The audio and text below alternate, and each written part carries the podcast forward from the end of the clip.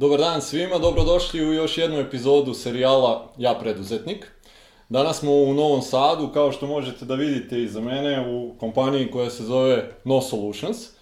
I imamo jednog, pa e, neke organizacije ovde kažu mladog menadžera, vi ćete prosuditi sami na osnovu njegovih godina da li je još uvek mlad ili ne. Gospodin koji nam je danas domaćin, kome želimo dobrodošlicu u naš serijal, ali takođe želimo da mu se zahvalimo što nam je domaćin ovde u svojoj firmi, je Nikola Obradović. Nikola, dobar dan, dobro došao u naš serijal.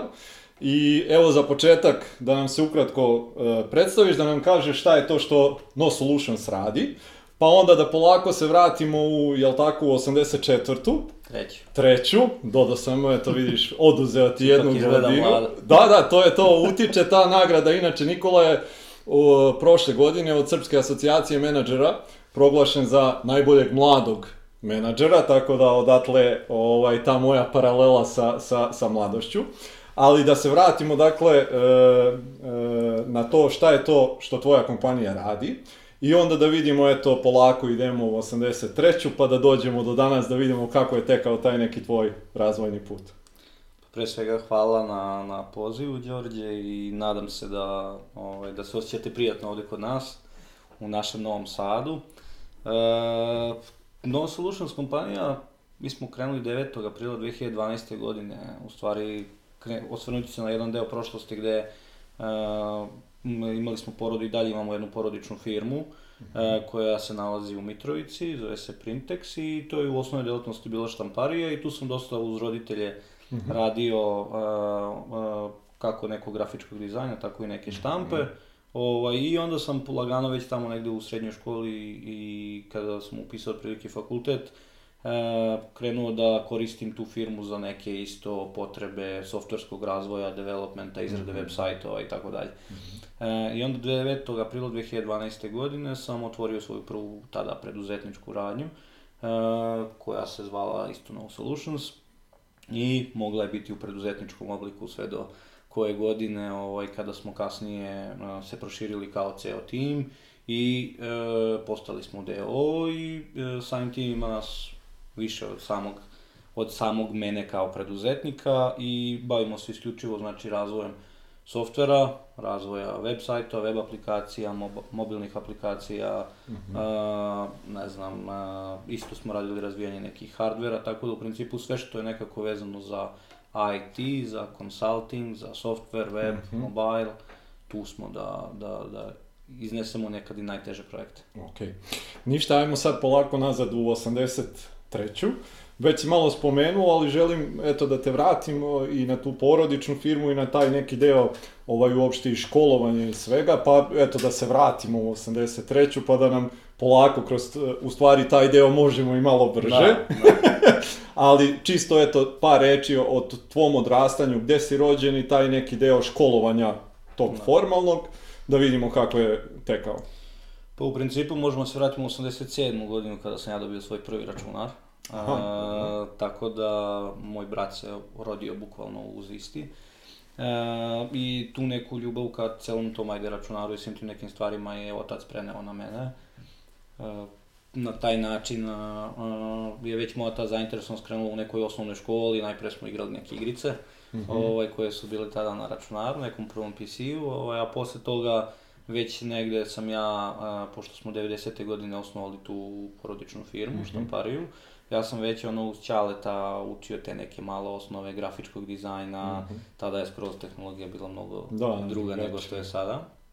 E, I posle, e, tamo već negdje u osnovnoj školi, sećam se, to je bilo kao moje, verovatno, prvo preduzetničko ovaj, projekat gde je bio, gde sam ja krenuo od tih klipartovih e, sličica, kliparta raznih, da pravim neke nalepnice na samolepljivom papirom u flonu, pa sam onda to štampao i onda sam prodavao devojčicama ovaj, Aha, po, a, dobro. po osnovnoj školi.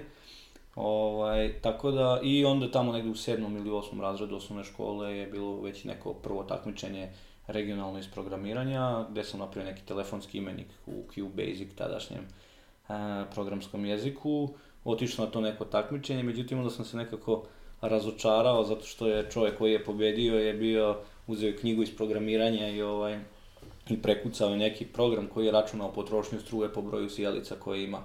Tako da ja sam imao nastavnika, on je imao onako jednu jako lepu nastavnicu, ovaj, e, tehničkog tada obrazovanja, tako da ovaj, ne znam da li je to bilo malo influencerski ili ne, ovaj, i e, u svakom slučaju nekako sam tu sam malo razočarao jer moj ono program baš bio kompleksan, mogu se pretražuješ, ne znam, imenike po raznim kriterijima i tako dalje, on neko dođe na takmičenje i da, ovaj, prepiše sa pola jedne strane, bukvalno, dečko je otvorio knjigu, i onda sam skapirao, dobro, od tih takmičenja verovatno nema ništa, ovaj, tako da, e, to je, tu sam nekako tu, tu karijeru programiranja završio u osnovnoj školi, i onda tamo negdje u prvom, drugom srednju, u gimnaziji, u Sremskoj Mitrovici, mm -hmm. Sam nastavio da se bavim sa programiranjem u Visual Basicu, u bazama Microsoft Access konkretno tada, i sjećam se da prvi e, program koga sam prodao, bio sam možda u prvom srednje, je bilo neko magacinsko poslovanje, napravljeno u mm -hmm. Accessu, da, 97 ili... Da, bio je napravljen u Accessu 2000, ali je tako je tada izašao, a sećam se sam ga prodao za knjigu iz Microsoft Accessa 2003, koja je bila najskuplja knjiga, mm -hmm. mislim, mikroknjiga je bila izdavač, čini mi se. I e, čovjek je prodao kasnije taj program u Švajcarsku, uzeo onako solidno ovaj, novca, ali ono, ja sam odradio tu veći deo nekog mm -hmm. posla i, i ovaj, to su bili možda, kažemo, onako neki prvi malo ozbiljniji a, koraci u tom nekom preduzetništvu. Onda sam u drugom razredu srednje škole napravio neki softver za kladionice, koji je bio prodat u neki preko 50 kladionica, mm -hmm. ali nije bio klasičan koji je ono bilo za kucanje etiketa, nego u to vreme je bio problem što u selima i u nekim manjim mestima nisi imao pristup internetu u smislu serversko vreme i tako dalje. I onda su banditi koji su radili na kucanju tiketa posle gotove utakmice promene vreme i datum. Mm -hmm. ovaj, otkucaju tiket kao da je utakmica gotova i ovaj, onda su na taj način ono, kladionice nagrabusili uvek u smislu nekih financija. I ovaj, ja se sećam se za jednu noć sam isprogramirao bio taj, taj softver koji se startovao s Windowsom, koji je kada neko pokušao promeni vreme i datum, mm -hmm. o, faktički davao informaciju da je ta opcija zabranjena od strane administratora i ne znam, gasi softver za kladionicu za kucanje etiketa, sada ne pričam šta još se radi u pozadini i onda kad ti pokušaš ponovo ga pokreneš, on ovaj, nije mogao da se pokrene jer nedostajao je taj exe file. I e, onda odmah su zvali svog sistema administratora koji je naravno znao šta treba da uradi da. i šta se dogodilo i onda je tu jedno puno ljudi, verujem, ovaj, napustilo taj posao, tako da sećam se u to vreme, ja mislim da je bila ono, kao klinac samo prodao, ja mislim da je 20 maraka je bila licenca za po jednom uplatnom mestu, a ja sam prodao, ne znam, odmah za recimo 50.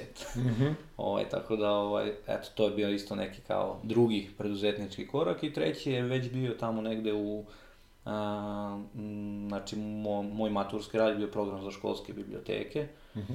koji je i dan danas radio preko 50 škola širom Srbije. E, isto je bio pravljen u Microsoft Accessu 2003 tada i tako da tu je, to je što se tiče te neke karijere u nekoj srednjoj školi. Mm -hmm. I onda smo, eto, 2002. godine kad sam upisao Fakultet tehničkih nauka ovde u Novom Sadu, već sledeće godine, ja mislim 2003.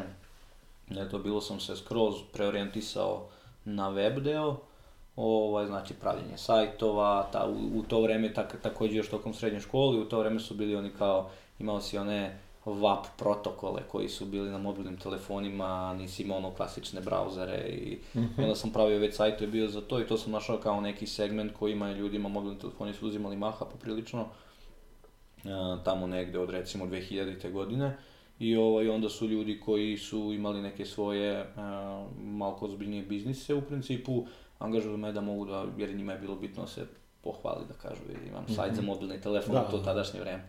Tako da, ovaj, to je onda, ali kažem, od te neke recimo 2003. godine pa sve do danas, u principu smo, sam bio tada fokusiran znači, na neki web razvoj, web mm -hmm. development, izradu sajtova mm -hmm. i tako dalje, eto. Da. Pa, e, iz tvoje priče deluje ovaj, da si baš onako od malih nogu imao taj neki Tako. preduzetnički duh. E, zanima me recimo, jesi učestvovao malo e, u toj porodičnoj firmi, jesi li učestvovao u, samom tom radu i da vidiš uopšte na neki način kako to sve izgleda isto kad imaš firmu, te neke preduzetničke stvari oko same firme? Pa naravno, mislim, to, to, mislim da je to bilo ono, često se znaš, ja, e, koliko s jedne strane budeš zahvalan svojim roditeljima u tim nekim situacijama, što su te naučili da ceniš svoj dinar, da zaradiš, da moraš Mhm. da zasučeš rukave, baš poprilično. Toliko s druge strane sam bio nezahvalan kasnije malo kad sam odrastao, zato što nisam navikao radim za nekog drugog. Mhm. I ovaj, to je onako bio uvek problem, a, mm, poslije sam ja to probao u jednom momentu paralelno sa svojom firmom, tamo negde kasnije, ali ovaj, onda opet shvatiš da kada ne donosiš neke odluke, onda je to Mhm. onako poprilično, ovaj, te, ne, ne znači jesi ti uvek u pravu, ali ono, kad nemaš utice, ta, Da, ta, da, da. ta- kao da nemaš tlo pod nogama. Da, Ovaj, tako da da, ono, i Burazer i ja smo pomagali u porodičnoj firmi, svi smo radili porodično, mama, tata, brat, ja. Ovaj, m, bavili smo se offset cito štampom, e, ja sam m, se trudio ono da pomognem ćaltu koliko je bilo potrebno oko tog pr- priprema za štampu samih, e, e, eto tog nekog malo dizajna i kasnije i oko štampe, ono, tako da firma je ono ok radila u to, u to neko vreme i ona je bukvalno ono, pomogla kasnije da se faktički odškolujemo brat ja i sve ostalo, tako da ovaj, i dalje postoji, znači evo već od 90. godine, znači 28 da, da. godina, znači ono sada je već, već tu, tako da a, jesmo, eto. Tu, tu, tu, to je definitivno nešto što su nam roditelji verovatno, kako kažem, usadili od malih. Da, pa mislim da, da, da je to svakako e, jedna od preduzetničkih crta, da ovaj, većina preduzetnika se i osjeća tako kako si se i ti osjećao, da jednostavno e, želiš da imaš tu odgovornost, da donosiš sam odluke, ali isto tako da budeš spreman i da kad te odluke nisu dobre, da prihvatiš odgovornost, ovaj, da si Da. ti taj koji je odgovoran zašto nešto nije dobro. E, u tom nekom znači periodu do otvaranja uh, No Solutionsa, šta je to što ti preokupira pažnju, čime se baviš u tom nekom periodu od završetka fakulteta pa, pa do samog osnivanja firme?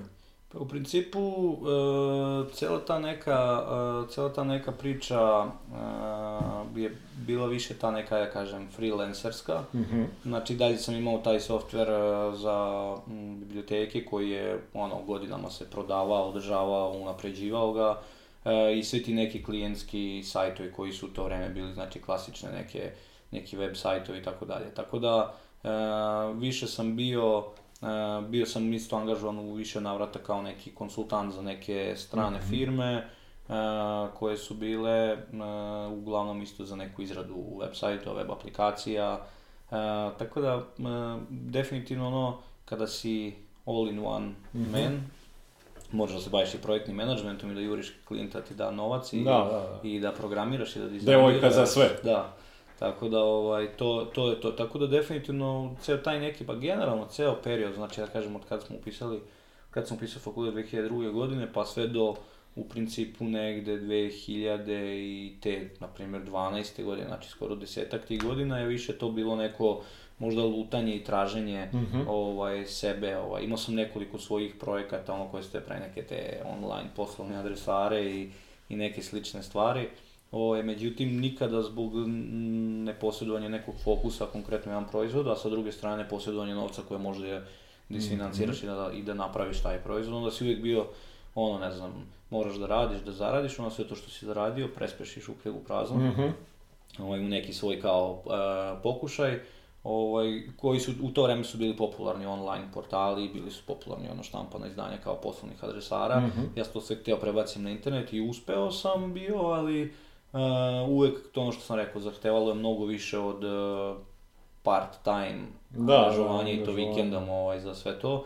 Tako da, um, eto, to je taj neki fokus i onda faktički ovo sve klijentski poslovi, klijentski Mhm. sajtovi, sajtovi za mobilne telefone, sajtovi normalni. Da, da. Ovaj. Ali ok, za, za taj period ti svakako stičeš i dosta iskustva Tako i, tako i, i učiš mnogo stvari. Šta je to što misliš da, da, da je donelo, e, da te, ajde kažem, poguralo da odlučiš na- napokon da otvoriš e, svoju firmu? Pa, bilo je tu do, kako je sve više s jedne strane bilo, ovaj, e, mislim da je Ćale tu možda onako nekako doneo, doneo neku, neki s jedne strane vetar u leđe, zato što sve više sam ja krenuo da dobijam a, tog nekog posla, Mhm. tamo negdje oko 2010. 11. godine, više tih klinskih poslova je bilo, i onda iskreno njega ta administracija u smislu jer on, aj ali izdaj mi fakturu za ovo, Da. izdaj fakturu za ono i tako dalje. Onda mislim da je ta njegova administracija njega onako počela poprilično malo da ga uši, nije mogu on čovjek da bude fokusiran Mhm. na neke svoje obaveze. I, ovaj, I onda ovaj, mi on rekao, ko što ne otvoriš, kaže, svoje, pa ti, ovaj, Mhm. pa ti onda dalje se sam zezda, izdaje fakture, račune, radi tu administraciju. Uvijek smo se zezali, znaš, kaže, sve to ima neku vrednost, znaš, ovaj, kad neko troši neko vreme na nešto ili, ili neki materijal. I onda sam u principu te, eto, 2002. godine početkom, o- o- 2012. godine Mhm. početkom, ovaj, donio, baš sam i zapamtio datum 9. april, je to bakin rođendan. Aha, dobro. Da, tako da, ovaj, i onda sam eto osnovao tu preduzetničku i da onda sam samo u principu preusmerio Mhm. te klijente, obavestio klijente da ćemo od sada Mhm. koristiti znači mm, tu firmu za, za sve usluge i bio sam ono solo igrač sigurno jedno pa dve godine, možda i više. Mhm. više ono, tako da ovaj, u međuvremenu sam dobio neka angažovanja a, preko nekih e, firme iz inostranstva, iz Amerike, konkretno dve. Tu firmu sam koristio znači za također to ono da da izdaješ fakture, ti oni plaćaju, tako da eto, to, to je ono, mislim da, da je tu više taj neki dogovor sa Ćaletom bilo ono, Da, da, da. prelomna tačka, ono Da, kada, da. kada više se manemo ovo i da onda ti kreneš lepo otvori svoj pa. Ok, spomenuo si sad, znači, e, neke dve godine sigurno ti to sve sam Pa uspevaš. možda, možda i više, da, ono je bilo Dobro. iskreno. Ovaj, e, možda čak i više, da. Ali uvijek je bilo to kroz tu firmu sam imao te neke kao, ne kroz firmu, nego ono te opet neke svoje lične projekte koje sam Mhm. htio da Mhm. zažive. Imao sam neki elektronski dnevnik što smo pravili isto za škole, Mhm. koji je e, počeo da radi u dve škole bio, međutim opet je zahtevao vreme nekog ko će se tome posvetiti. Mhm. U to vreme ja sam imao, znači, bukvalno pre jedno, pa da se ne lažem, ali sigurno pre 10 plus godina, možda i više, ja sam imao onaj elektronski dnevnik koji je bio na webu, koji je bio spreman, koji je bio bolji od bilo čega na tržištu u tom momentu, ali nikoga, nikada nisam ono imao taj, taj neki moment i opet pričam e, fokusa i materijalnih sredstava i svega mogu da se usredsredim da neki dobar proizvod u tom momentu mogu da prodam dalje. Mhm. Mhm. Ovaj, tako da se uvijek završavalo na tim, ono, prodaš u 1, 2, 3 licence, 5, 10 ili 50, ali nikada nije Da, da. to ovaj, e, odnelo mnogo više. Tako da, ba, bilo je dosta tih projekata, iskreno sad kad se vratim u prošlost, koji su onako bili, bili pravi u pravo vreme, završeni na najkvalitetnijem nekom nivou po tadašnjim nekim tehnologijama, ali e, opet ne kažem, nedostatak ili vremena ili materijalnih sredstava je ono, dovodilo do toga da ceo proizvod se onako nekako ugasi. Da, da, ugasi. E, reci mi kad e, e, odlučuješ da je vreme i zašto odlučuješ da je vreme da uposliš još nekoga u firmu, šta ti pomaže da doneseš tu odluku? Pa, bilo je tu u principu sve veći neki obim posla koji je, Mhm. koji je u principu postojao. Ovaj, Ok. To je bilo, znači, ajde da kažem, neki pravi, možda scale se desio možda pre neke tri godine, na primjer, ovaj, od sada, a, gdje smo ono dobili što veći broj, što veći broj obim nekog posla, nekih prilika i tako dalje. Ja sam u to vrijeme, sjećam se, radio za tada dve američke firme, u isto vrijeme. A, uspio sam da, da ukombinujem ovaj, a, sve to, jer su se merili rezultati, a ne koliko, Mhm. koliko radnih sati provedeš na dan. Ovaj, I onda paralelno sa tim a, sam faktički gradio tu neku svoju priču i onda sam onda u tom jednom momentu smo se razišli onako mm, od tih skroz priča američkih i onda je fokus krenuo da bude na Mhm. mm sjećam imao sam platu koja je dan danas ono od svega toga onako prilično da ne znam koliko treba još da radim ovdje u svojoj da bi, da bi došao razi za nula ono kod sebe. Da. Tako mi je to baš onako bilo u glavi ovaj, e, neki turbulentan malo period gdje, kako bih rekao, e, s jedne strane e, imaš, imaš neku siguricu, to je taj deo što sam rekao, faza sam pravo da radim za nekog drugog, ovaj, gdje imaš neku siguricu i gdje je za život u Srbiji ti ono, pesma, ovaj, i onda u jednom momentu sve to pada nekako u vodu i ti se okrećeš ka totalnoj nesigurnošću. Mhm. Tako da, ovaj, eto, to je to. I mislim da je u tadašnje vrijeme, ovaj, sad ne mogu se sad setim godina, ali da je moja, moja bivša djevojka, sadašnja supruga, Mhm. ovaj, da je, ovaj, da mislim da se sve desilo, da, da li ona mislim tad bila i trudna i sve kad sam, kad se sve razišao s ovim, tako onako baš jedan nezgodan trenutak za, Mhm. ovaj, za celu tu neku priču. Da, Tako da, ovaj, eto, to je.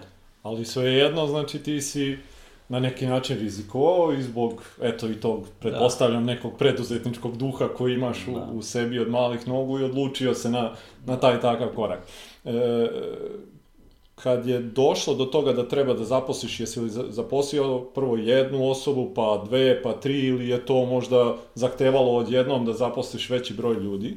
Pa, bilo je nekako postepeno, ali bilo je ono nekih momenta gdje, je, e, gdje je dolazilo dvoje ljudi, na primjer od jednom troje i tako dalje. Ono. Mhm. Mislim, ali je krenulo ono u, u početku. Tada su, eto kažem, znači, e, bili su ljudi dosta koji su bili u to vreme, hajde da kažem, freelanceri, Mhm. kažem freelanceri, imali su isto svoje preduzetničke radnje koji su Mhm. mislili za sebe da legalizuju kompletno poslovanje s inostranstvom, sa domaćim Jasno. firmama i sve.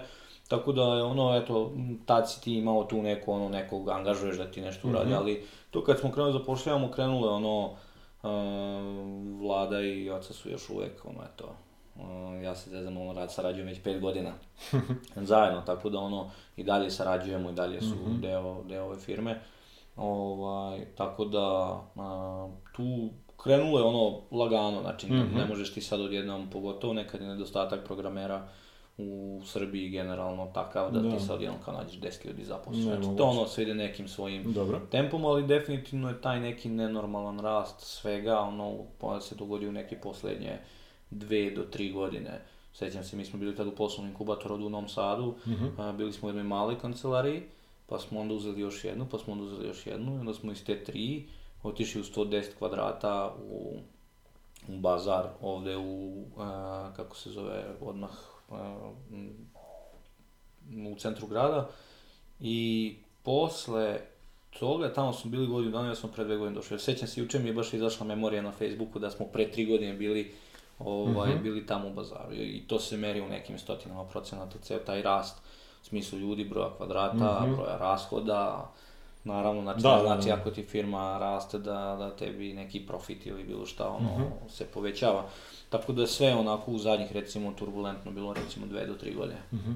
Kako se ti snalaziš u tom trenutku, obzirom da, da si na početku sam u firmi, e onda u jednom trenutku dobijaš i neke ljude gdje ti sad treba sve to i da organizuješ i da upravljaš ljudima i sve. Kako se ovaj, snalaziš na početku sa, sa svim tim nekim menadžerskim, da kažem, delom? Pa mogu da kažem a, jako dobro, zato što a, nikad ja nisam bio sjajan programer, meni su uvijek imao sam neke druge te soft skillove koji su više bili za neki projektni menadžment, znači razlika je tu što sam ja razumeo s jedne strane materiju, tehnologiju jer sam je sam radio, dizajnirao, Jasno. programirao i sve ostalo. I onda, ali me nikad to nije zanimalo, Mhm. znači nikad nije imalo ono moje srce u potpunosti kada sad ću ja isprogramiram nešto Da. dobro. O, I uvijek sam bežao ka tu neku stranu produkt managementa, developmenta, projekt managementa i tako dalje. Ovaj, ali sa tim ljudima, a, to je sad nešto recimo što, što ti u momentu kada dođeš do neke kritične tačke onako s jedne strane može u, ne, u svakoj firmi verujem praviti problem. Jer ti krećeš tu kao ono mala porodična firma sa Tako nekolicinom ljudi, nas, 4, 5, 6, 7. Mhm. I onda tu kreće dolaze neki novi ljudi i ti sad ono, funkcionišete savršeno, znači sve. I onda u jednom momentu sad kada ono imaš 20 ljudi, 30 ljudi pa više, i onda tu uvijek e, taj neki kor ljudi koji je tebe pomogao i bio sa tobom rame uz rame i dalje su tu ti momci i devojke, ovaj, e, da, da dođeš da podigneš firmu na jedan viši nivo i onda kako krene to sve da raste, onda ni tvoja, da kažem onako neka, ne, ne mogu kažem pažnja, ali neka tvoja prisutnost u samoj firmi gdje oni vide da si ti tu nije više ista kao kad je vas pet sedi u ovoj kancelariji. Mhm. Jasno. Znaš, I onda to onako nekada može da, ovaj, da, da ti onako malo poljulja, zato što ti prerastaš iz neke porodične firme u neku, neću kažem korporaciju, jer daleko smo mi od korporacije, ali u neko malo preduzeće. Mhm. Ovaj, tu su neki novi ljudi cirkulišu, neki dolaze, neki odlaze, a, ne znam, projekti dolaze, odlazi i tako dalje. Sve onako postaje e, mnogo turbulentno ovaj, ali mm, onako, mislim da su te neke onako generalno za poslovanje svakog preduzeća jako kritične tačke i Da. kritični trenuci zato što to kad treba prerasteš iz male porodične u nešto malo veće, Mhm.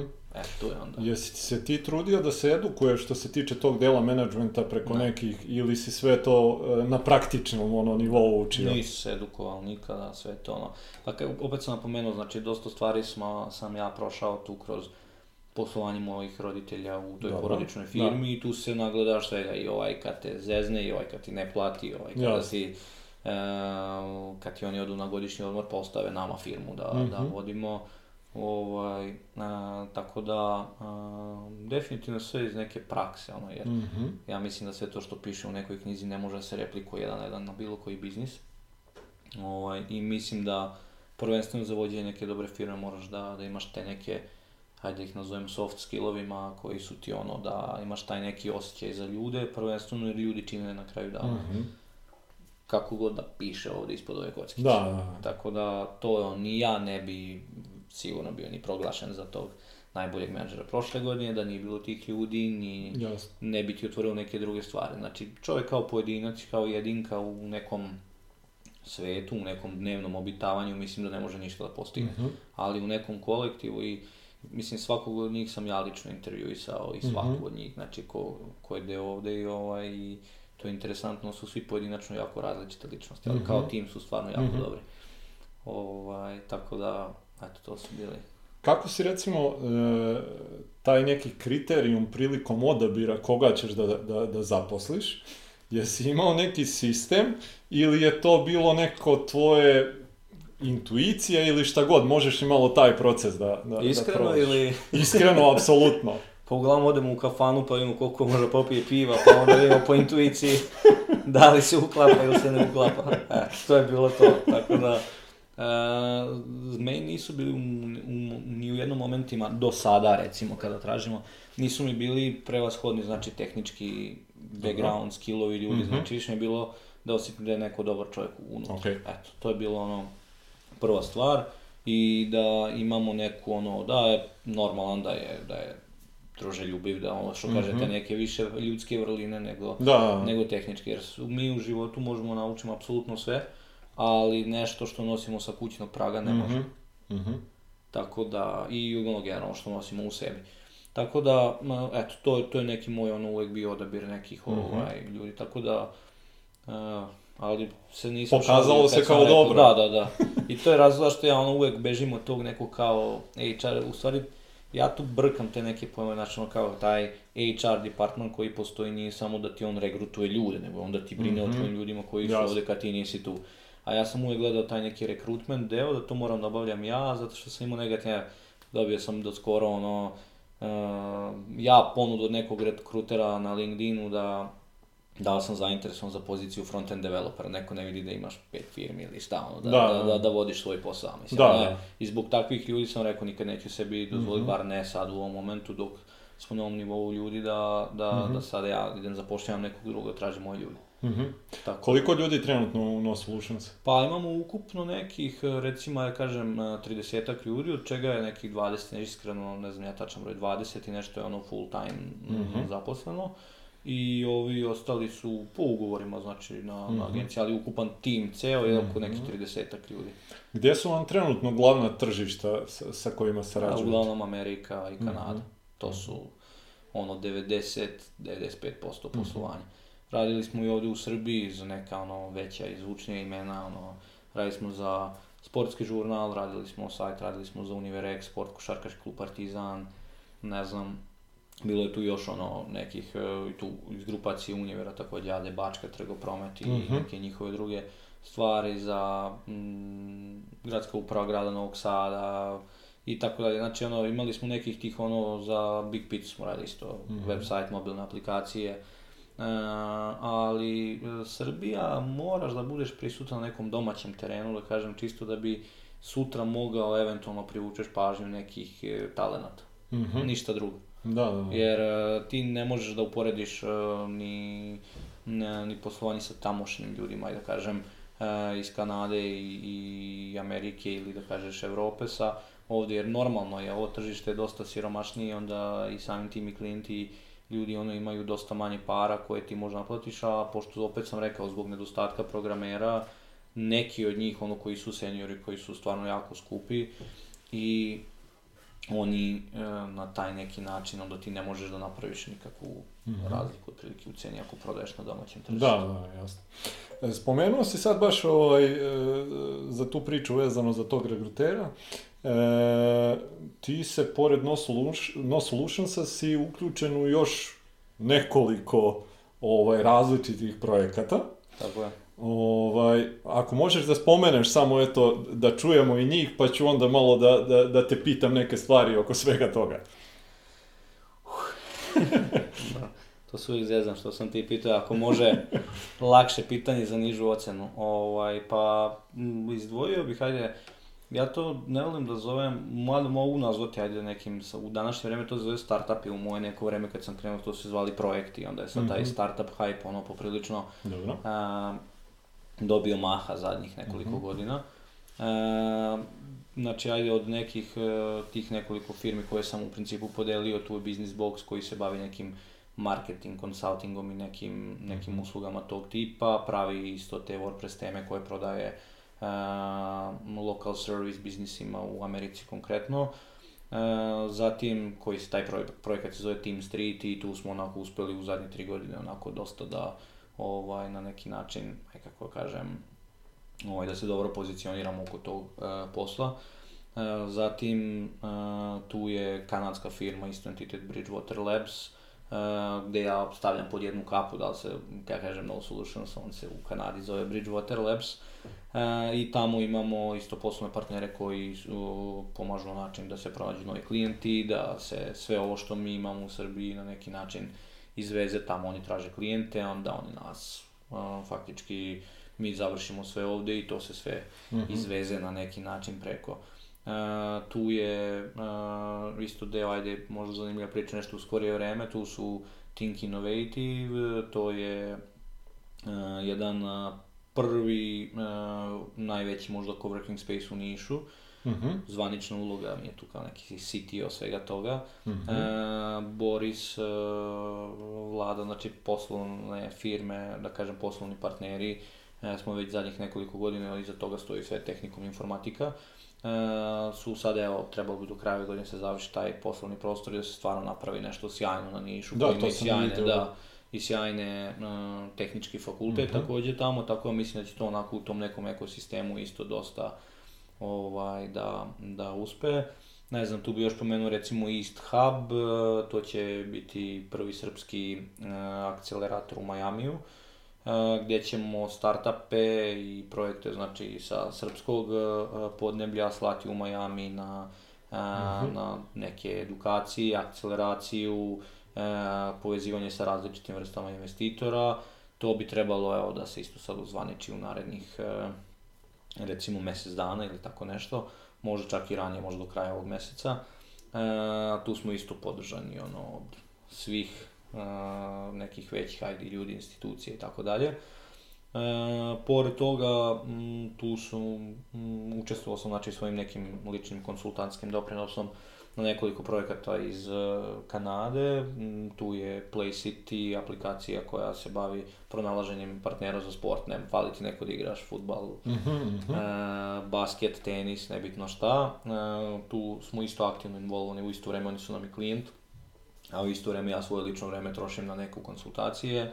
Tu je T-Link Golf, uh, to je m, prvi, u stvari, da kažemo, najlakše isto sad za, za golfere uh mhm. -huh. i tu smo isto, oni su krenuli kao naš klijent, ima posle sam opet ja svoje konsultacije e, pružio njima i isto postao deo neke te priče. E, tu su neki mnogi manji startupi koje sada nema potrebe ni da pominjem.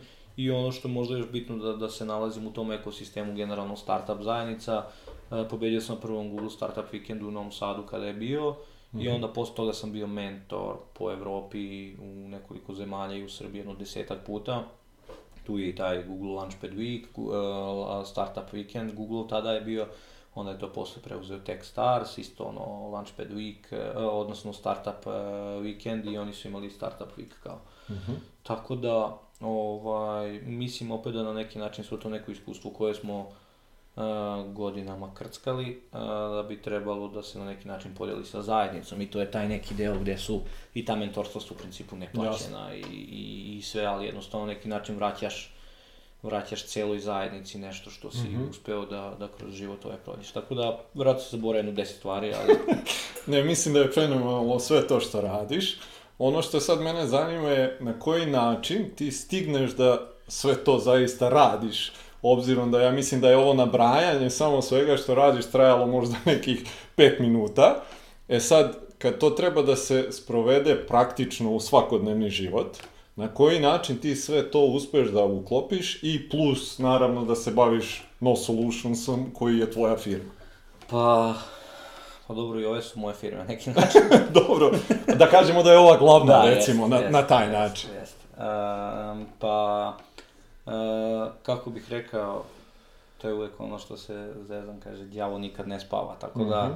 e, manjak sna je definitivno nešto što, što u posljednjih nekoliko godina mi fali. Dobro. Ovaj, tako da to je taj ono, work around the clock, e, kad ste još pobacani vremenskim zonama Kanada, Amerika koji su minus 8-9 sati konkretno i ti radiš u ovoj vremenskoj zoni, znači definitivno se minimum dvije radne smene ovaj, tokom dana obave. Ali, e, pored svega toga, m, mislim opet da je taj tim koji imaš na koga treba se osloniš neki core svega. Ovaj, e, definitivno, evo, mi smo sad pravili baš neku reorganizaciju u samom No Solutionsu kako bih ja mogao biti rasterećeniji za neke druge stvari, da možda budem fokusiran na neki rast cijele kompanije, na dovođenje boljih klijenata i tako dalje, nego da e, neki mikromanagement nekih ljudi ili projekata ili bilo čega drugo. Tako da konstantno ti tu menjaš taj, e, taj princip u nekoj, to je ono što sam rekao, nigde ništa nije savršeno u jednoj firmi i ne možeš preslikati princip koji radi u No Solutionsu, ne možeš ga preslikati u čega god, u bilo koju od Da, da. firmi. Tako da e, zavisi ti od mnogo faktora. Ali definitivno ono, mislim da ova sljedeća godina su ono gdje ću još baš morati ja zasučem jako Mhm. rukave dok se to sve ne postavi na neke dobre temelje, tako da i sama eto radim ono, spavam od 2 do 5 sati na dan, tako da, od nedavno si i otac po drugi po put. drugi put. Kako sve to se uklapa u ovu priču? Pa mi, mislim iskreno, ono, supruga Nena, ona tu iznosi najveći deo momački oko svega toga, ono, gdje me ono, s jedne strane podržava u smislu posla, Mhm.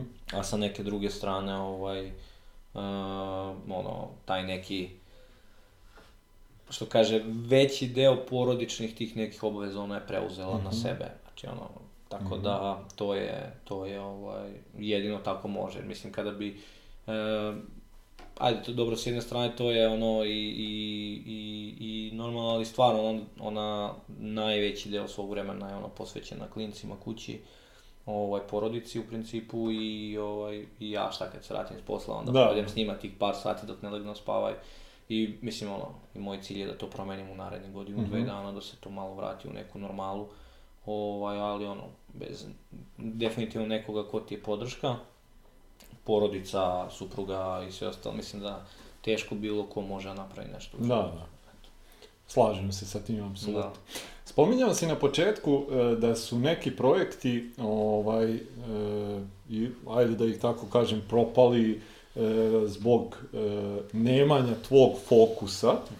Šta je to što si ti naučio iz tih neuspeha, što ti sada omogućava da se fokusiraš na, ne znam koliko već, deset različitih projekata i da to sad sve na neki način bude uspešno? Pa, što kaže, uvijek kažemo ono da su ti, što kaže, ovo znanje, a one godine. A, pa nema, e, nema ni tu nekog, nema ni tu nekog pravila, ovaj, imali smo generalno a, taj, aj kako bih rekao, m, tad kad su ti projekti bili nekako neuspešni, ti si bio sam u toj cijeloj priči u igri. Znači nisi imao ni nekog da se osloniš. A u ovim nekim drugim pričama ti ono, uz neku dobru organizaciju i neki sjajan tim, e, ti možeš da, da izneseš te neke druge stvari. Znači opet ne možeš kao pojedinac, ono. Ali ne znam, ono, ono što sam skapirao kad povučem crtu, uvijek je ta neka e, strana koja je falila su uvijek bile neke financije, marketing i sales. U smislu da ako nemaš para, ne možeš ni da se reklamiraš, ne možeš ni da prodaješ. A ja sam uvijek pravio sva ta partnerstva i koja sam bio, kad nisam bio sam, sam pravio, ok, sve tehnički mi možemo da iznesemo, ali tvoj deo posla je da onda posle toga uložiš novac u neki sales i neki marketing.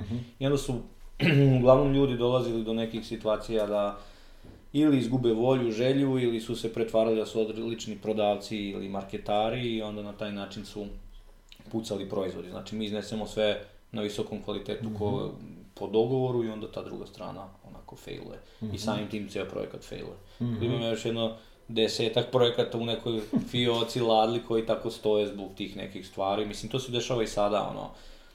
E sada, a, tu mogu na neki način možda malo i sebe okrivim zato što a, previše verujem ljudima i onda te neke formalne stvari, pošto mrzim papirologiju, ne ja sad kao mi potpišem ugovor, ti ćeš radiš ovo, ti ćeš uložiti u marketing i sales i tako dalje, jer najbolje uh, projekte i pare sam zaradio baš na taj način. I onda sa čovjekom koji sedi u Americi, koji, koga nikad uživo nisam upoznao. Mhm.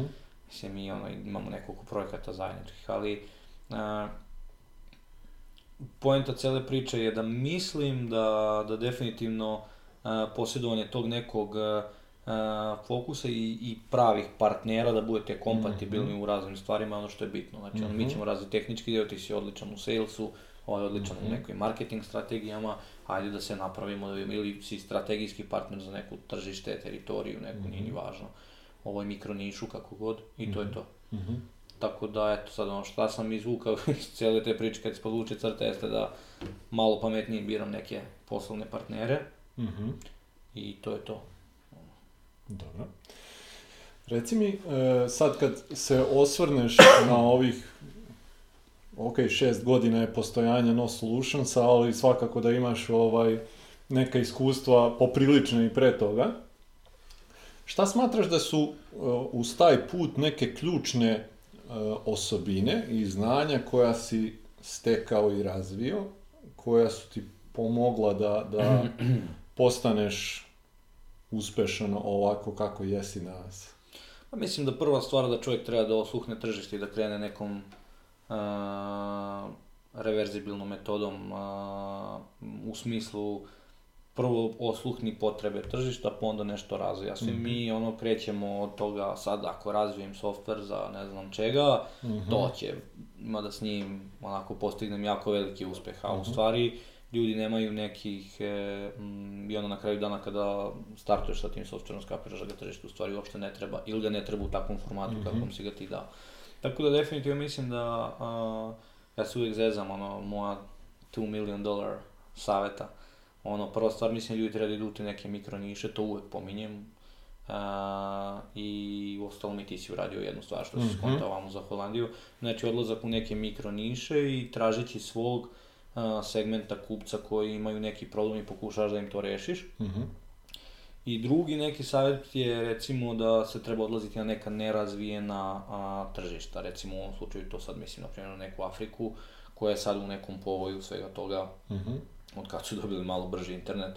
Tako da ovaj, to je to. Je sad isto se to dešavalo na tom nekom prethodnom putu i ovdje u Srbiji. Većina ljudi naših i sjajnih programera, inženjera je bežala iz Srbije tražeći neko bolje sutra, ali opet ja mislim da na ovom nekom prostoru e, ti imaš sjajne talente, imaš sjajne inženjere, proizvode, e, samo ljudi ne znaju kako to da plasiraju na neki način preko. Tako da, a, definitivno osluhivanje nekog tržišta mislim da je možda najbitnija stavka i rešavanje samim tim onda da ponudiš Da, da, rešenje za to što Da, si vidio. Da. je. Mislim da, da je super to što si baš spomenuo vezano za Srbiju, obzirom da se ja zaista trudim da kroz ovaj serijal e, tu ideju samu e, provučemo što je više moguće. Generalno Srbija kao zemlja ima apsolutno dosta negativnih stvari koje se tiču preduzetništva. Sa druge strane, ta ista Srbija ima i pozitivnih stvari koje ti pružaju neke mogućnosti i koje bi trebalo uočiti i iskoristiti. nije nužno otići, evo baš smo pre nego što smo počeli snimanje razgovarali oko toga, ti si rekao da nikad ne bi otišao iz Srbije i tebi to ne predstavlja problem da funkcionišeš i da sarađuješ i sa Amerikom i sa Kanadom i sa svim tim ostalim zemljama sa kojima radiš. Znači, generalno, I sad kad bi to preneli na bilo koju drugu zemlju, takođe, e, ne znam, i u Americi sigurno postoji nekih negativnih stvari koje se tiču preduzetništva. Ima ih sigurno manje nego u Srbiji, ali mislim da je ključno za svakog preduzetnika da se fokusira na pozitivne stvari, odnosno mogućnosti koje te pozitivne stvari pružaju i onda da to iskoristiš na praktičan način. Pa dobro, ajde, Amerika je definitivno 10 godina ispred Evrope, znači to što se tiče preduzetništva, IT-a, startupa i cijelih Da, nekih da. ostalih priča. E, Amerika i Kanada, ajde da kažem tako, Mhm. ali prvenstveno Amerika. E, sa neke druge, sa neke druge strane, e, ima jako puno nekih stvari naravno koje nisu Mhm. ovaj, i mislim da čovjek tu ono šta mi u Srbiji naučimo da budeš vidra na neki način, da se snalaziš ovako i onako, Tako ja se uvijek gledam svi ljudi koji su odavde otišli negdje preko u nekom normalnom sistemu su napravili nenormalno, Nenormalno, bogatstva ili šta, zato što si navikao da stalno moraš da ideš ono, imamo tu neku birokratiju, ono koje jeste sada opet za svaku birokratiju postoji neki Mhm. workaround koji ti ovaj, hakuješ život, hakuješ Da, da. ovaj, neki, na neki način sistemi koji ti omogućava. Mislim da uh, ne bih definitivno išao ono odavde, osim ako me ta birokratija na neki način ne otera. Ovaj, i tako da to je, to je neko moje, moje lično mišljenje. Ne znam, ono, ako bi poredio recimo zadnjih par godina, nikad nisi, znači uvek si mogao da izdaš fakturu stranoj firmi, nebitno gde je, pa Jasno. dobit ćeš za nju uplatu kraj meseca takav paušalac, platiš porez i Jasno. ti si okej, mislim, sa svim. Tako da, ovo, e sad, imali, bilo je tu gomilu nekih stvari, ono, famozni taj Paypal, ljudi su se žali, nemamo Paypal, ovo, ono i tako dalje, mislim, ja sam funkcionisao normalno i bez njega. E, Ima tu dosta toga da, da, da, da ljudi e, generalno su u nekom fazonu sad, to će me najviše mrzeti ti freelanceri, ali to je neki moj javan stav. Ovaj, e, svako od ljudi koji nekako prihoduje treba da sutra plati neki porez u zemlji u kojoj živi, u kojoj je tax resident. Znači, i onda se ljudi žale, znaš, ono, kaj ja ću preko Paypala ovo ili ono, mm -hmm. otprilike ne moram tako da, da, da platim. Znači, nije poenta to, znači, poenta da ti se olakša mogućnost da ti Naravno bi svi volili da su neki doprinosi mnogo niži, to bi zaista pomoglo Da, i to je sigurno nešto što treba da se promeni. Nekim preduzetnicima, ovaj, i to je ono što, pogotovo ako je broj IT industrije u ovom momentu je prva po izvozu, prešišali smo i maline i kupine i sve ostale Mhm. neke voćke, mislim da bi to na neki način moglo dodatno da se motiviše uh, Mhm. tim nekim stvarima, ali dobro, nije moj deo da, da, da pričamo Jasno. o svemu tome, ovaj, ali uh, poenta svega je da promenilo se nekih dosta, dosta stvari ovaj, u poslednjih, ne znam, deseta godina što se tiče tog nekog poslovanja. Ovaj, tako da nismo baš ono da smo na nekoj u nekoj crnoj rupi da, da svet ne zna za nas, pogotovo zbog Da. talenta koga imamo, tako da ne znam, ono, a, definitivno ne bi otišao odavde, eto, osim koliko se baš ne oteram Da. tom nekom birokratijom koja je. Da, ali sad kad se osvrne na, svoju, na, na tvoju priču, ti si svakako video ovde neke prednosti, pozitivne Naravno. stvari, iskoristio njih, a mislim te negativne svakako su tu, samo je pitanje... Svuda i postoje negativne Tako. stvari, ja se ne lažemo, samo što to ne vidiš ako nisi, nisi prisutan Mhm. tamo. Ovaj. E, poenta, poenta je da ono što mi imamo ovde u Srbiji, mislim da to redko ko, ko, koja druga država ima, ajde recimo možda ima na primjer Ukrajina, oni imaju isto sjajne tehničke fakultete, e, imaju jako veliki broj programera, inženjera i tako dalje, ali e, recimo mi ono što imamo, m, ljudski mozgovi koji, koji kruže po ovom gradu, po ovoj zemlji su ono,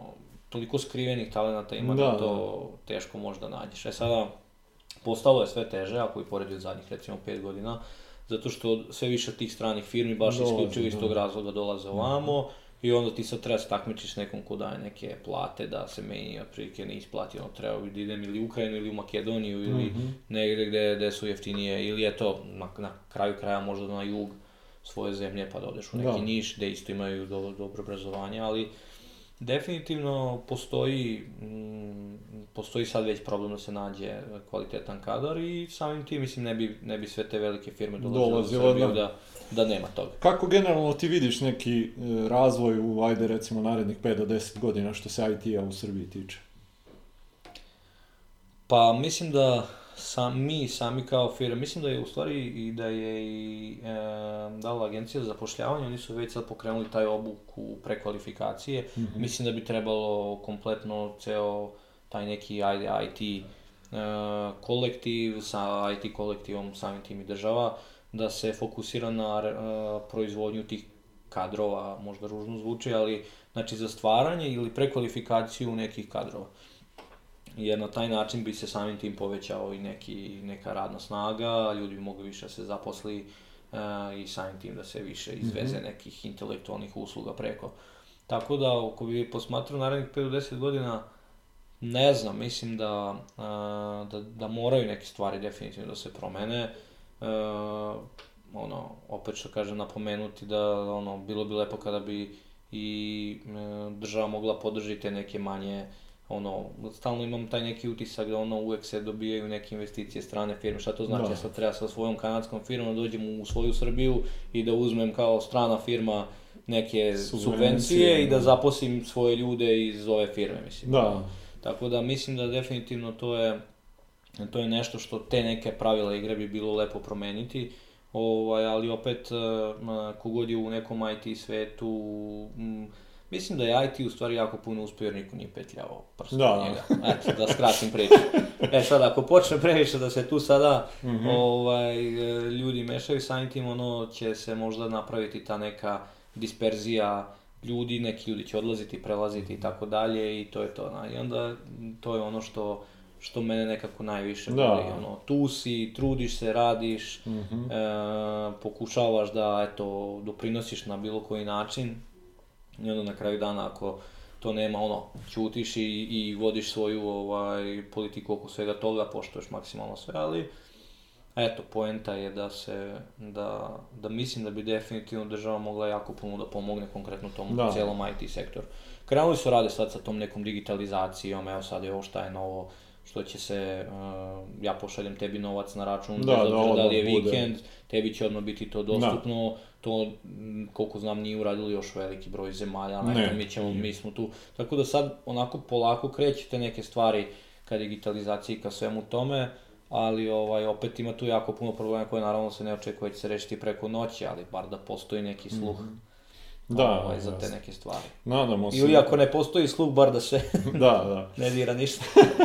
Mi ćemo se snaći. Nadamo se da će biti dodatnih pomaka ovaj, u svemu tome. E, Zanima me, obzirom da IT generalno i, mislim, generalno ceo svet sad se jako brzo menja, e, na koji način ti pra- pratiš te neke ovaj, tokove, na koji način usavršavaš sebe sada, obzirom i imaš veliko iskustvo, ali pretpostavljam da je broj novih stvari koji dolaze svakodnevno, malte ne nešto na šta svakako moraš da obratiš pažnju. Pa definitivno naši na neki način, e, e, da kažem, inženjeri, konkretno kod nas u firmi, oni uvijek prave neke na, prate neke najnovije te tehnološke, Mhm. hajde da kažem, promene tehnologije i sve ostalo. I, ovaj, onda kad god je nešto zanimljivo podijele sa kolegama, sa nama. da. Tako da sam ja uvijek u toku sa svim tim, ovaj, šta se dešava, šta je novo i tako dalje, ili ako dobiješ neki projekat za klijenta koji radi na nekom najnovijem technology stacku, onda vidiš otprilike, wow, mo- možda bi mi mogli ovo Mhm. i tako dalje.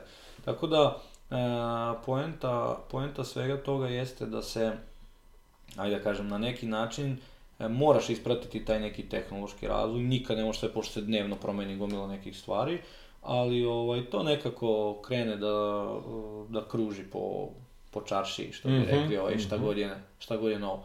Što tiče nekog samog usavršavanja, ne znam, ja nikada se nisam nešto obraćao pažnju pretjerano na konkurenciju, ja sam uvijek ono imao neki svoj jasan cilj, ka tom cilju Mhm. idem, ako mi ne kaže jesi video šta rade oni, ono otprilike bacim pogled u dvorište, vidim šta ima i dalje idem, imam neki svoj cilj.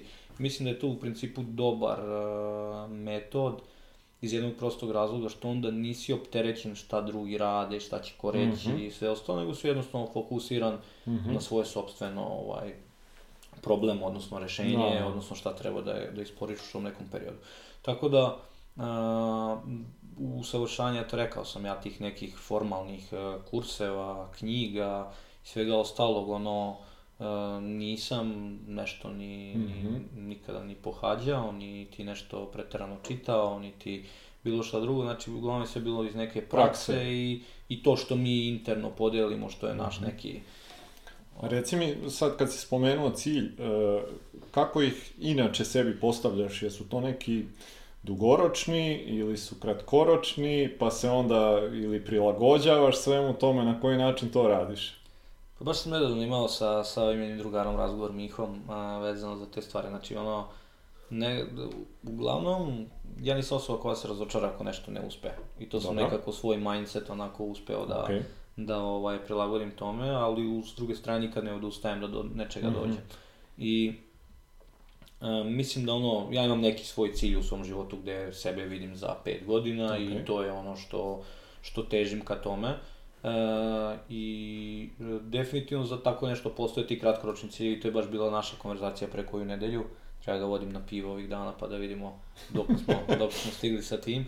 Ovaj, ali e, da, postoje neki kratkoročni ciljevi da bi došao do nečega potreban ti je ili ova materijalna sredstva ili ovaj tim ljudi ili Mhm, ne ok. znam, da se dogodi na tržištu ovo da bi ti uspeo nešto da proguraš. Samo što se uvek tu trudim da maksimalno mi budemo ti, odnosno da što više stvari zavisi od nas samih, Mhm, a ne od nekih trećih faktora. okej.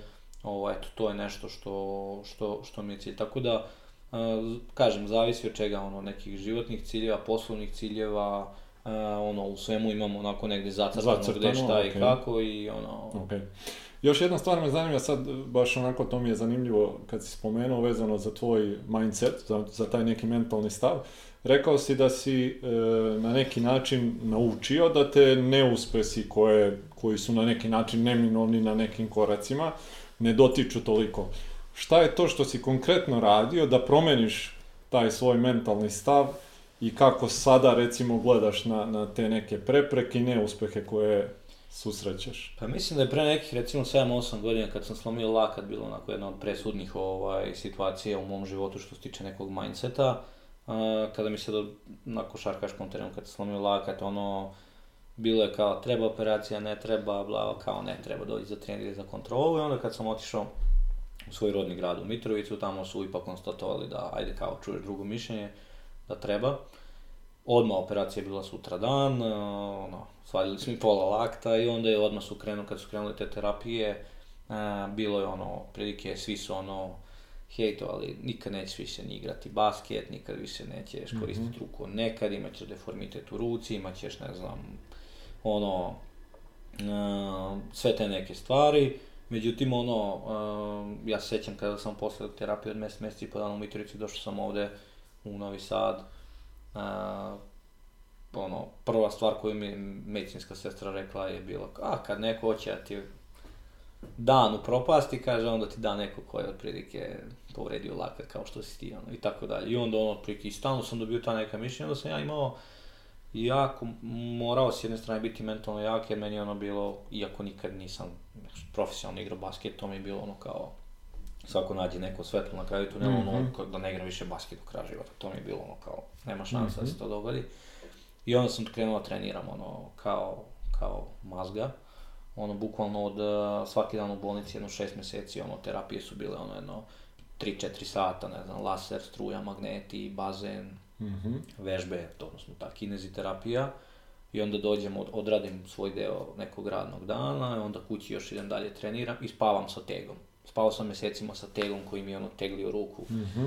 ovaj sve. I onda posle recimo 6, 7, 8 mjeseci, onako, bio sam onako poprilično prsao psihički, znaš, ono, početak, ono, što kaže, imaš ono, sve te nervira, plačeš od besa prvo svaki drugi dan, pa četvrti, pa deseti, pa dvadeseti, znaš, ono, sve se to nekako ovaj, skuplja u tebi, ali e, u isto vrijeme ti jača onako jako tvoj duh i sve ostalo.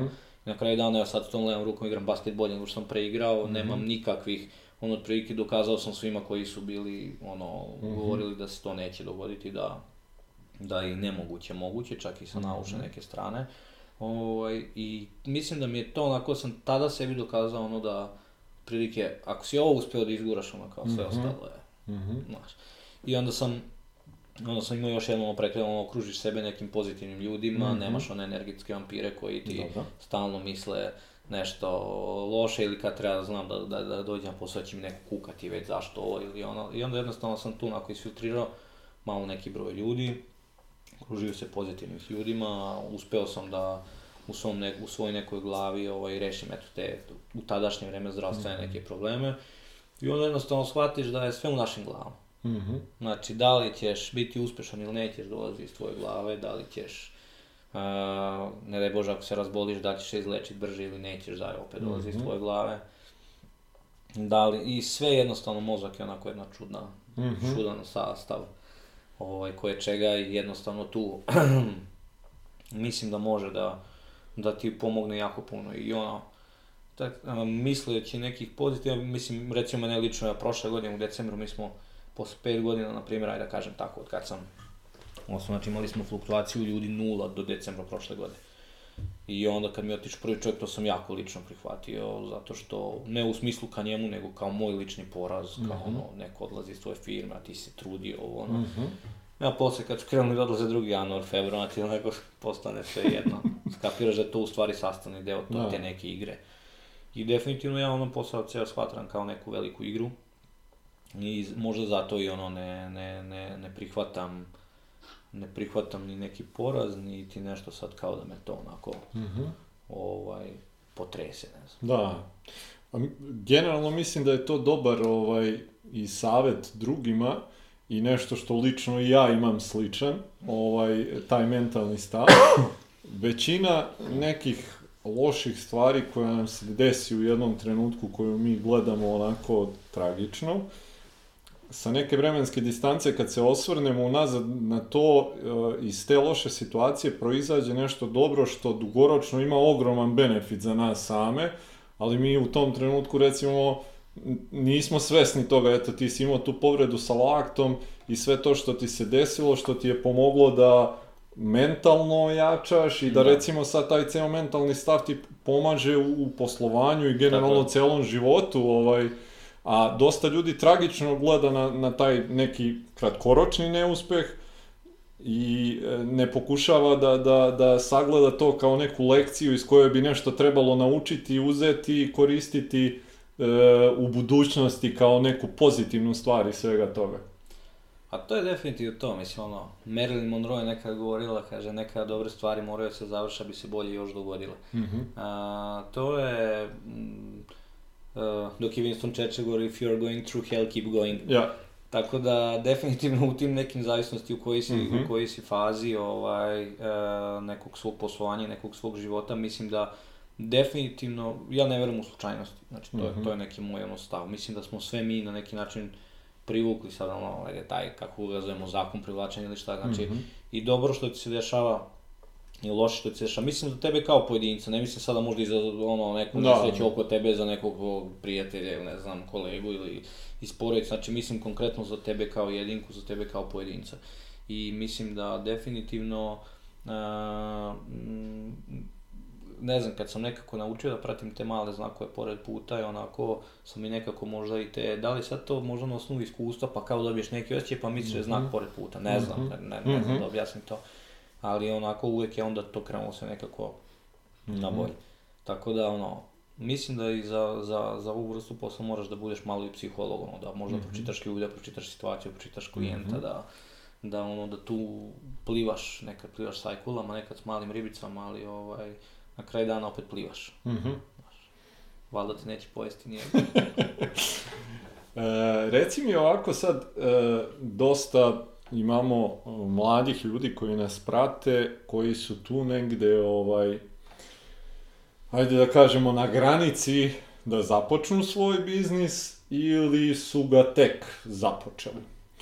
Šta bi bili neki tvoji savjeti, recimo, za njih, obzirom da si već neko vreme i sa svojom firmom, ali dosta dugo si u preduzetničkim vodama, šta je tih nekih recimo par saveta koje bi im dao za, za eto kažem sam početak poslovanja. Pa definitivno da ne odustaje ako imaju neku svoju viziju, znači to je prva stvar, ono, mm, ukoliko imaš neki jasan cilj i neku jasnu viziju gde želiš da ideš, jako veliki broj ljudi, nažalost, odustane već na tom nekom prvom Mhm. koraku. Znači, tako da, moj taj neki savjet jeste definitivno da da ne odustaju, ako zaista su to, i ako Mhm. su istrajni u celoj toj svojoj nekoj realizaciji, da, da to da to isprovedu do kraja. Mhm. Nebitno koji će biti krajnji rezultat, pozitivan ili negativan, jer će iz svega izvući neku ili novu Mhm. lekciju ili će Mhm. izvući nešto, nešto drugo. Ono. Tako da, mislim da je generalno problem sa današnjim mladim ljudima to što su jako nestrpljivi i što, uh, mislim, nikad se nije desilo, baš sam pričao sa drugarom pre neki dan, kaže on, moja mama kao učiteljica je radila ceo život za lupam 300 evra, 400 evra platu. Mhm. A ti sad imaš studenta koji je još nije ni završio fakultet, koji odmah dolazi radi za 500 evra u nekoj IT firmi platu i odmah je već nezadovoljan, traži 1000, 2 ili 5. Mhm. Znaš, e, to je problem što ta, a, sa tom nekom mladošću dolazi ta neka a, brzina, odnosno Mhm. oni, a, uvek sam to ono govorio da čovjek mora prvo da jede piljevinu da bi posle jeo drvo. Ne znači u svim situacijama, ali mora malo da prođe,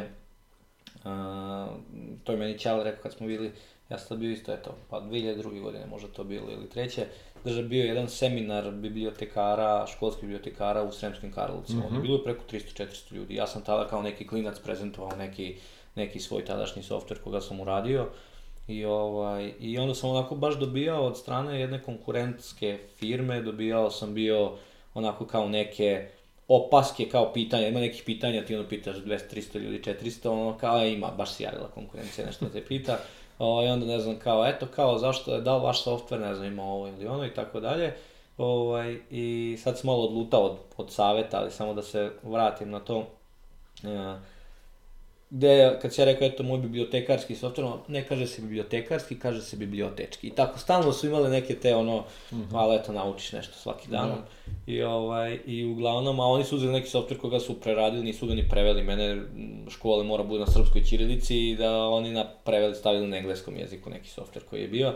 I, ovaj, uglavnom, uh, ja pričam s Ćatom, posle rekao, ne kapiram, rekao, ove ljude, rekao, ono, rekao, završio sam ovo, sve radi savršeno, a me i neko postaja pitanje, kaže, ono, moraju malo brkovi da ti porastu, kaže, da bi ti ljudi shvatili ozbiljno. Aha. Znaš, e to, to je sad, znaš, ono kao savjet za mlad, znači moraš malo da stasaš u toj celoj priči koliko da si genije, talentovan, odličan programer, možda preduzetnik ili si naučio nešto od svojih roditelja. Opet svako ima neki drugačiji svoj put. Tako da eto, prvi savjet je onda nikada u principu ne odustaju od svega toga, ali i da daju sami sebi vreme neko do Mhm. tog nekog Ništa preko noći. uspeha, da, znači preko noći ne, ne postoji ništa, mislim, tako da ono, ovaj, i uh, ono što sam već pomenuo kroz neki razgovor, moj savjet je sad, sad da pričam generalno opet o tom nekom, možda IT-u ili ne, ali odlazak u te neke mikro niše, Mhm. šta god da su one, odlazak na neka nerazvijena uh, tržišta, Afrika, Srednji istok, šta god. Mhm. Ovaj, e, ukoliko ima, jer i za to naravno postoji rešenje e, kako može da se do tu dođe, ali ovaj, eto, to su neki ono, mm, moji, moji neke stvari. Ne znam šta bih drugo ono savjetovao, ali definitivno mislim da u tom ono da, da, da osluhnu koji problem neki deo, segment nekog Mhm. tržišta ima i ako ponude rešenje, šta god da je to, ne mora uopšte biti u IT struci, neka je to neka stolica koja će Jasno. rešiti problem s leđima, super imaš gomilu programera koji sede po x sati na dan, ako si im Mhm. ponudio rešenje, mislim da, Da, da, da. da si Jasno. dobru mikronišu. Ok. Za kraj ovako razgovora je e, pitanje koje ono uglavnom svima koji su već neko vreme u poslu ovaj postavim. E, da možeš da se vratiš nekih 15 godina unazad i da daš Nikoli neki mentorski savet, bez obzira da li je to neki životni ili preduzetnički, šta god to bilo, a da imaš priliku sad eto da kažeš sebi koji si 15 godina mlađi, šta je to što bi mu rekao? Pa teško pitanje, ono, definitivno neka ne sam izgledao neki svoj postupak i verovatno bih sve isto uradio. I jedino bih eto to rekao što sam sad dao i kao savjet ovim mladima da sa tim nekim projektima istrajem do kraja. Jer eto, rekao sam, imao sam sjajne projekte u sjajno vreme koji su na Mhm. neki način se sami od sebe ugasili zato što ja nisam dovoljno izgarao i imao fokus recimo za njih. Možda bi eto rekao taj neki fokus u tom, jer e, definitivno bi to promijenilo da sam ja recimo bilo koji taj softver za kladionice ili, ili taj softver za školske biblioteke ili za magacinsko poslovanje ili elektronski dnevnik Mhm. sproveo na neki nivo tada, pre 15 godina, vjerojatno bi mi sad firma bila na mnogo višem nivou. Ok. Nikola, hvala ti puno za, za ovo izdvojeno vrijeme i za Hvala vam. razgovor. E, želim ti puno uspjeha naravno u, tvom daljem radu. Ovaj, hvala svima što ste e, proveli još jedno ovako, nadam se, ugodno vrijeme sa nama i vidimo se sljedeće nedelje. Prijatno! Hvala, prijetno.